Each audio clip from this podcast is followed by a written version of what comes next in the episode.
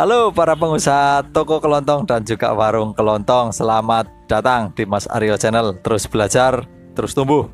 Teman-teman tahu Indomaret dan Alfamart? Pasti tahu, pasti pernah ke sana. Kebangetan kalau nggak tahu ya. Mereka itu ada di sekitar kita Dan mereka adalah dua brand besar dari minimarket nasional. Masih banyak brand yang lain minimarket nasional juga. Tapi dua-duanya ini Indomaret dan Alfamart yang paling familiar ya di tengah-tengah kita. Nah, teman-teman, jumlah gerai minimarket seperti Indomaret dan Alfamart ini semakin hari semakin banyak jumlahnya. Bahkan di daerah tertentu ya, di kawasan tertentu itu pemerintah daerahnya sampai mengeluarkan larangan atau pembatasan supaya tidak terlalu banyak gerai-gerai minimarket waralaba seperti itu yang bermunculan karena dikhawatirkan bisa e, mengganggu pertumbuhan atau berjalannya usaha toko kelontong tradisional atau lebih tepatnya konvensional seperti itu ya. Nah, sebagai pengusaha toko kelontong atau sebagai pengusaha warung kelontong kita seharusnya belajar teman-teman. Belajar dari mereka para minimarket waralaba yang tentu saja sudah terbukti dan sudah teruji kesuksesannya. Nah ada banyak hal yang bisa kita lihat dan bisa kita pelajari dari mereka dari suksesnya bisnis minimarket Nah, dalam video ini teman-teman kita akan bahas satu persatu. Kita akan kupas tuntas satu persatu. Namun sebelumnya untuk teman-teman yang baru bergabung seperti biasa ya, jangan lupa klik tombol subscribe biar channel ini bisa terus berjalan lancar tanpa kendala. Kemudian juga like juga untuk teman-teman yang suka, bagikan juga videonya ke media sosial Facebook, Instagram atau WhatsApp boleh juga. Kemudian kalau teman-teman punya pertanyaan atau dalam menyampaikan ini saya kurang jelas di video ini teman-teman bisa tanyakan di kolom komentar. Pasti saya jawab satu persatu Nah teman-teman ada beberapa persamaan dan perbedaan antara toko minimarket modern atau waralaba dengan toko konvensional atau warung kelontong konvensional. Yang pertama teman-teman kita lihat dari produknya dulu dari sisi produk atau barang yang dijual dulu. Sebenarnya barang atau produk yang dijual di minimarket modern atau di minimarket waralaba Dengan di pasar, dengan di warung, dengan di toko itu sama. Ibarat kata kalau kita beli sampo pentin untuk keramas itu di minimarket, mau di pasar, mau di warung, mau di online sama barangnya karena produsennya sama. Kalau tipenya sama, jenisnya sama, mereknya sama, pasti sama. Atau ibarat kata kita beli sabun Lifebuoy nah, untuk mandi, itu di mana pun kita beli juga kita mendapatkan produk yang sama. Artinya barangnya nggak ada bedanya. Itu yang pertama. Kemudian yang kedua adalah dari sisi harga. Nah, coba kita lihat dari sisi harga. Teman-teman bisa tebak lebih mahal mana antara harga di minimarket dengan harga di toko kelontong? Ya sudah jelas ya, di minimarket harganya secara umum itu lebih tinggi kecuali kalau lagi ada promo dan sebagainya ya. Kalau secara umum lebih tinggi. Kenapa? Ya karena mereka harus gaji karyawan. Satu. Kedua, mereka harus bayar pajak. Ketiga, mereka punya biaya operasional yang tinggi. Biaya apa? Biaya listriknya aja udah tinggi, belum lagi biaya yang lain ya, teman-teman. Nah, itu adalah dua hal paling umum dan paling mendasar yang bisa kita lihat dari minimarket dan toko atau warung konvensional. Jadi kita bisa bandingkan antara produknya kemudian harganya itu secara produk sama, kemudian secara harga justru toko atau warung konvensional lebih unggul karena bisa menjual lebih murah karena biaya operasionalnya yang lebih rendah. Nah, terus kenapa teman-teman yang membuat minimarket ini selalu ramai bahkan bertumbuh gitu ya sedangkan toko konvensional atau warung mungkin biasanya ya ya tidak banyak yang stagnan atau bahkan cenderung meredup kita akan lihat satu persatu teman-teman. Kenapa minimarket bisa lebih sukses? Yang pertama adalah karena adanya sistem pendukung atau lebih kerennya ya support system gitu teman-teman. Jadi di balik minimarket waralaba itu ada sebuah perusahaan besar yang menaungi. Itu berarti ada modal dan ada sumber daya yang besar untuk mensupport berjalannya bisnis tersebut. Kemudian yang kedua adanya jaminan kepastian atau adanya juga standarisasi. Nah, adanya jaminan kepastian maupun standarisasi yang pertama dari sisi harga misalnya. Nah, harga itu siapa pun yang beli di minimarket ya, itu mendapatkan harga yang sama untuk barang yang sama, tidak ada pembeda. Kemudian tidak ada juga tawar-menawar. Semuanya sama. Bahkan kalau pemiliknya yang belanja sekalipun ya akan mendapatkan harga yang sama yang tertera di label harganya dan juga tertera di komputer kasirnya. Kemudian yang kedua, standarisasi stok atau kepastian juga stok. Jarang sekali ada barang-barang yang kosong di minimarket waralaba dalam waktu yang lama.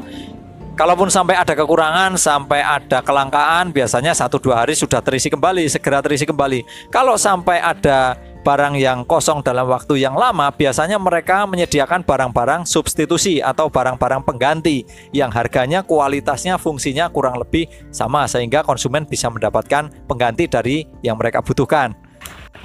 Standarisasi yang ketiga adalah standarisasi SOP. Dalam hal ini adalah SOP pelayanan, Standard Operating Procedure dalam hal pelayanan. Jadi semua SDM atau semua karyawan yang bekerja di minimarket itu melakukan pelayanan yang sesuai dengan standar yang sudah ditetapkan oleh perusahaan mereka.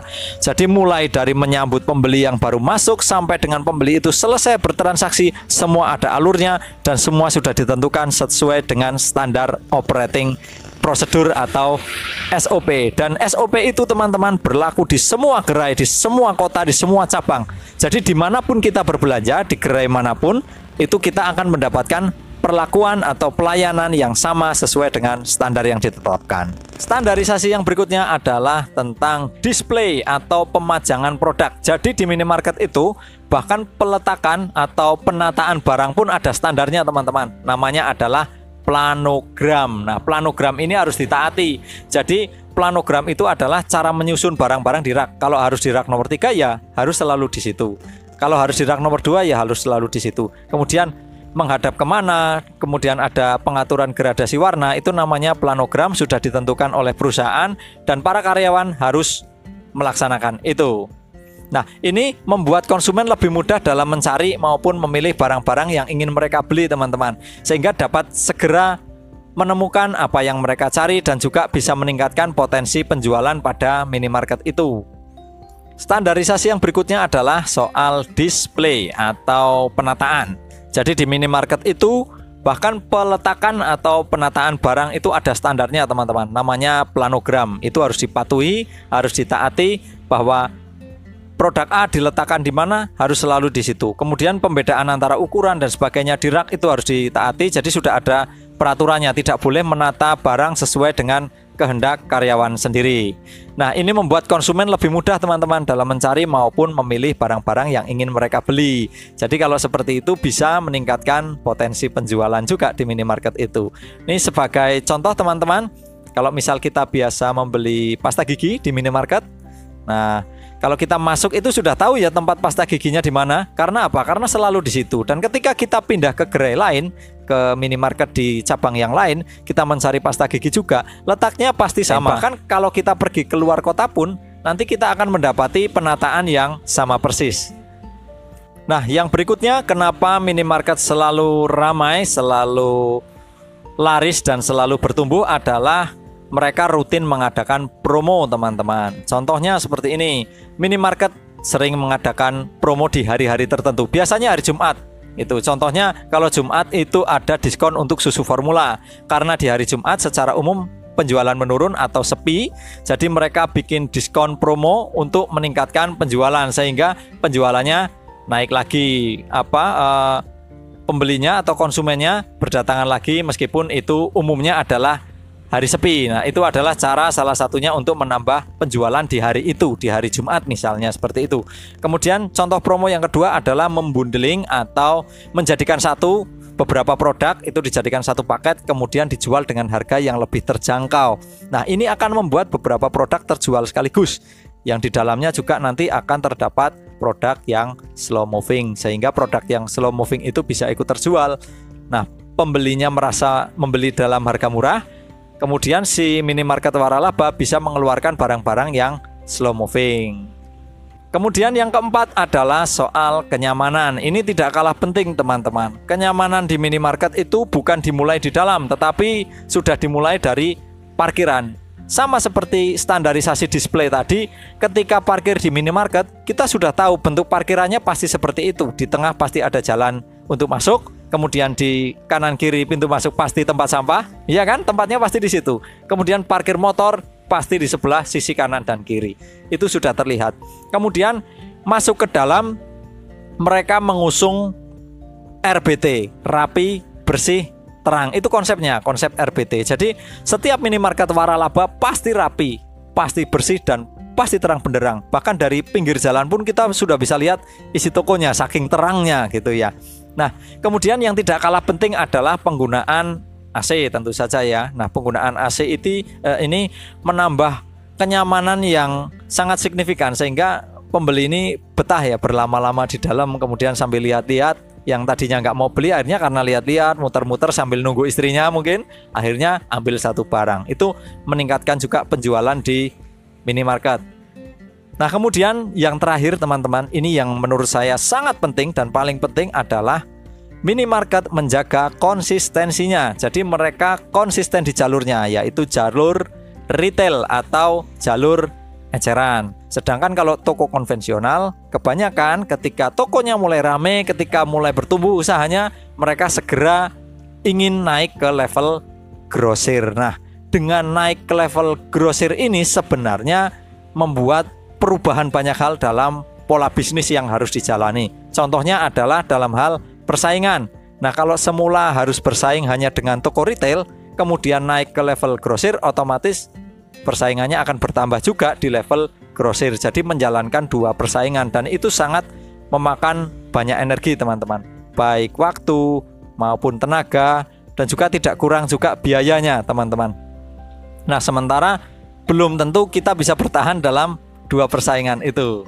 Nah, dari beberapa hal tadi teman-teman sebagai pengusaha pertokoan ya, terutama toko kelontong, kita harus bisa belajar dari mereka, dari para minimarket waralaba ini kita belajar manajemennya yang dijalankan oleh toko modern atau minimarket ini sehingga ya nantinya kita tidak hanya jadi penonton saja, tidak menonton mereka sukses, tetapi kita juga bisa mempelajari manajemennya dengan baik, kemudian menerapkannya juga di usaha kita sehingga kita juga bisa ikut sukses.